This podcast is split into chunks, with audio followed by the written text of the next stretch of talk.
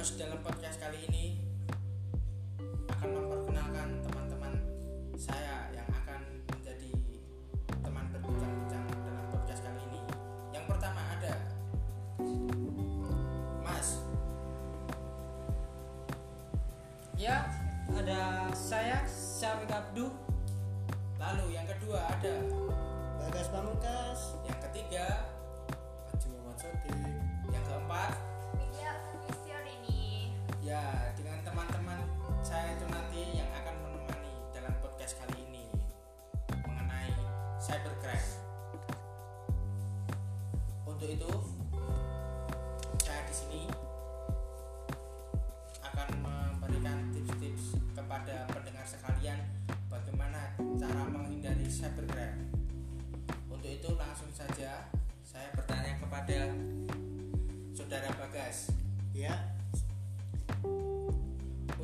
Bagas, bagaimana mengapa masih banyak orang yang terkena cybercrime? Mungkin Mas Bagas mempunyai jawaban tersendiri akan hal ini. Monggo Mas Bagas. Iya eh, Saya akan memberikan penjelasan dari saya ya Kenapa masih ada banyak orang yang terkena cybercrime ada penyebabnya. Yang terjadi cybercrime Yang di antaranya itu akses internet yang tidak terbatas mas. Ada juga kelalaian pengguna komputer Sistem keamanan jaringan yang lemah dan kurangnya perhatian masyarakat gitu mas. Dan hal ini bukan hanya terjadi pada negara maju saja mas melainkan di Indonesia juga sudah mengenal kejahatan yang seperti ini contohnya pencurian kartu kredit kayak atau hacking beberapa situs terus menyadap transmisi data orang lain misalnya email dan memanipulasi data dan cara menyiapkan perintah yang tidak dikehendaki ke dalam programmer komputer.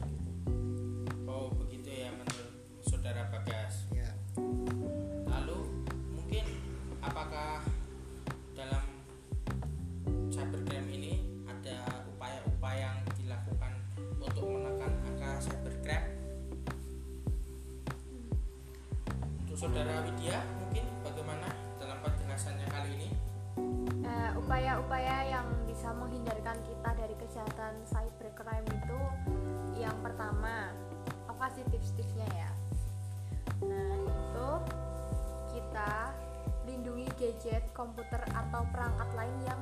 digunakan Eh, jadi kita harus melindungi perangkat itu biar orang lain itu nggak sewenang-wenang menggunakan eh, apa akun-akun kita untuk kejahatan. Yang kedua, jangan gunakan software bajakan. Jadi gunakanlah perangkat lunak yang resmi. eh, soalnya banyak malware yang tertanam dalam aplikasi bajakan. Karena itu rekomendasinya menggunakan aplikasi open source yang gratis supaya terhindar dari malware atau spyware. Karena biasanya yang nggak open source itu banyak yang bayar. E, mengingat orang Indonesia enggan keluar duit biasanya buat beli software asli dan lebih memilih pakai yang bajakan karena gratisan gitu. Yang ketiga pasang perangkat lunak keamanan yang up to date. Penting buat kita em, selalu memperbarui apa namanya perangkat lunak kita aplikasi-aplikasi kita supaya terhindar dari cyber dan virus yang belum terdeteksi dalam versi security software sebelumnya. Yang keempat, menggunakan data encryption. Misalnya seperti WiFi Protect SS2, WPA2 dan lain-lain pada jaringan lokal seperti LAN atau nirkabel di kantor atau rumah sehingga komunikasi teks yang jelas nggak bisa disadap dan bisa di- mencegah akses yang sah yang nggak sah. Yang kelima selalu memiliki sikap waspada. Jadi waspada itu kan sangat perlu. Jadi jangan langsung percaya dengan setiap email, telepon, website dan segala iklan yang bertebaran di internet. Memang kejahatannya dilakukan di dunia maya, tapi di dunia nyata semua akibat gak bisa diputar balik, jadi waspadalah selalu. Yang keenam, selalu periksa data bank dan kartu kredit secara teratur. Nah, kan sekarang ini banyak banget eh, banyak data transaksi bank yang dikirim melalui email. Jadi oleh karena itu nggak ada salahnya untuk memeriksa transaksi secara teratur.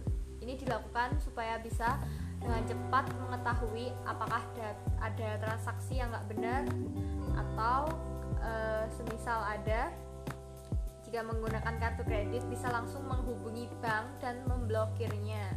Bisa juga mengajukan keluhan kepada bank supaya transaksi dilibatkan, dibatalkan. Yang ketujuh, rajin mengganti kata sandi. Jadi kita nggak boleh males buat ganti-ganti kata sandi akun-akun yang penting secara berkala. Tapi pastikan untuk menggunakan kombinasi karakter huruf, angka, dan simbol yang rumit supaya nggak mudah dijebol. Yang keempat, backup data-data secara rutin.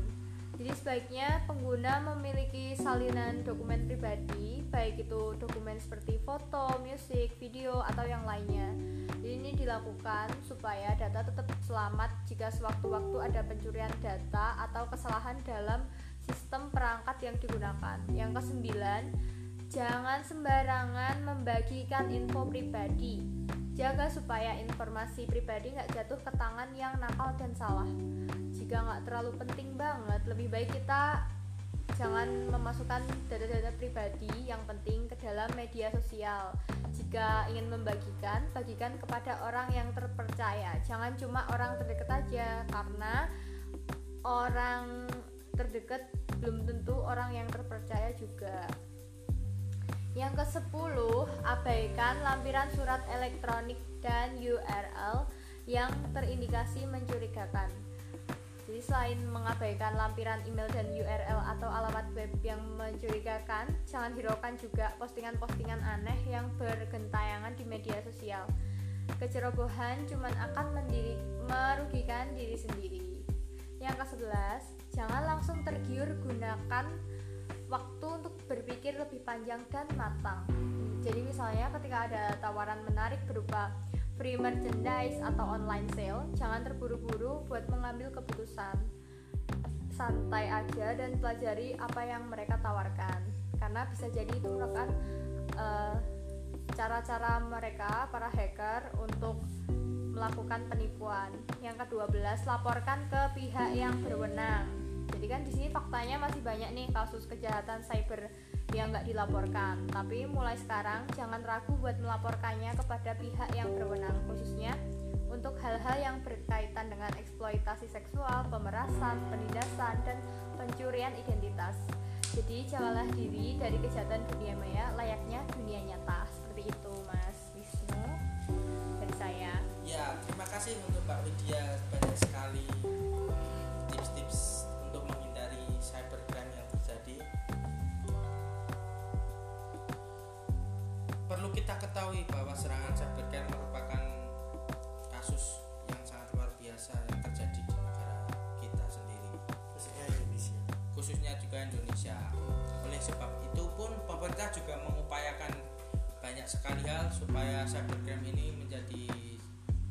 Kasus yang tidak besar lagi sehingga pemerintah memberikan upaya-upaya untuk menekan cybercrime.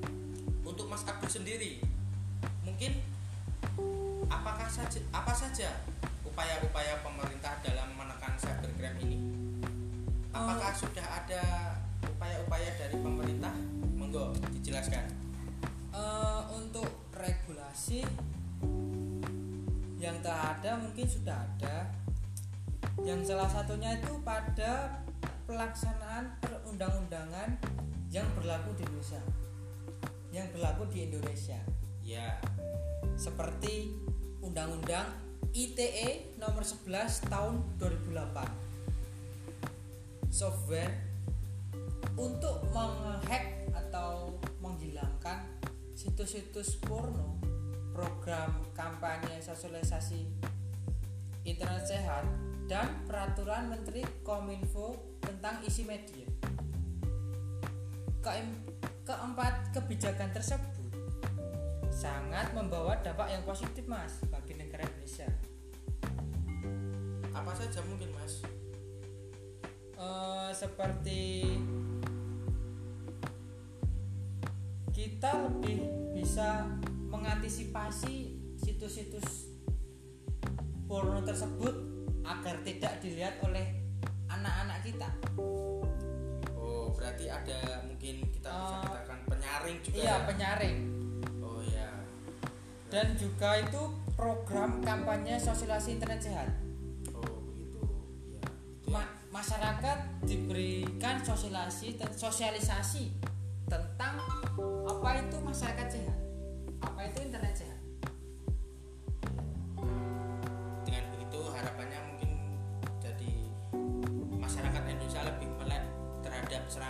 Cybercrime ini juga ya, mas benar sekali. Supaya masyarakat kita kan tidak terlalu gaptek gitu kan. ya gampang termakan hoax Gampang termakan hoax juga benar. kurang sosialisasi tadi karena Iya. Dan banyak lah mas. Ini sangat membantu untuk masyarakat Indonesia kita. Oke, terima kasih untuk saudara Abduh telah menjelaskan apa saja dari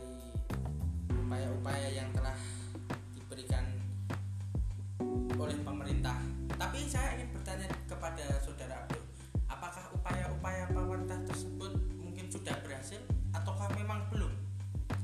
Eh, untuk menurut saya, kalau menurut saya sudah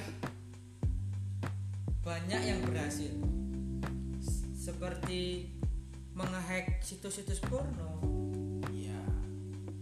program internet sehat sudah banyak dilakukan di daerah-daerah.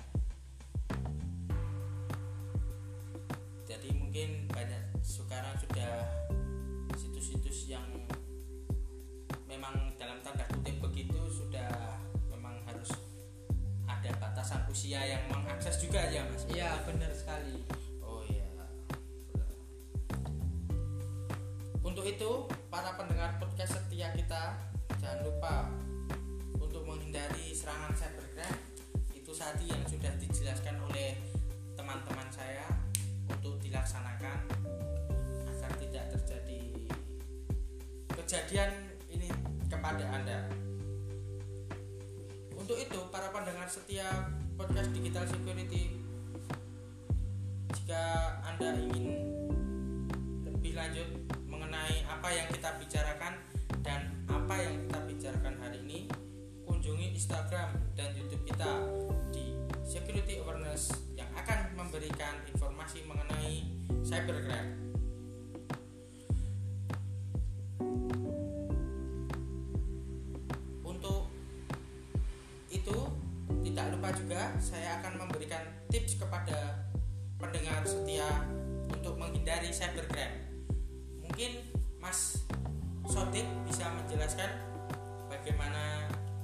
Menghindari cybercrime.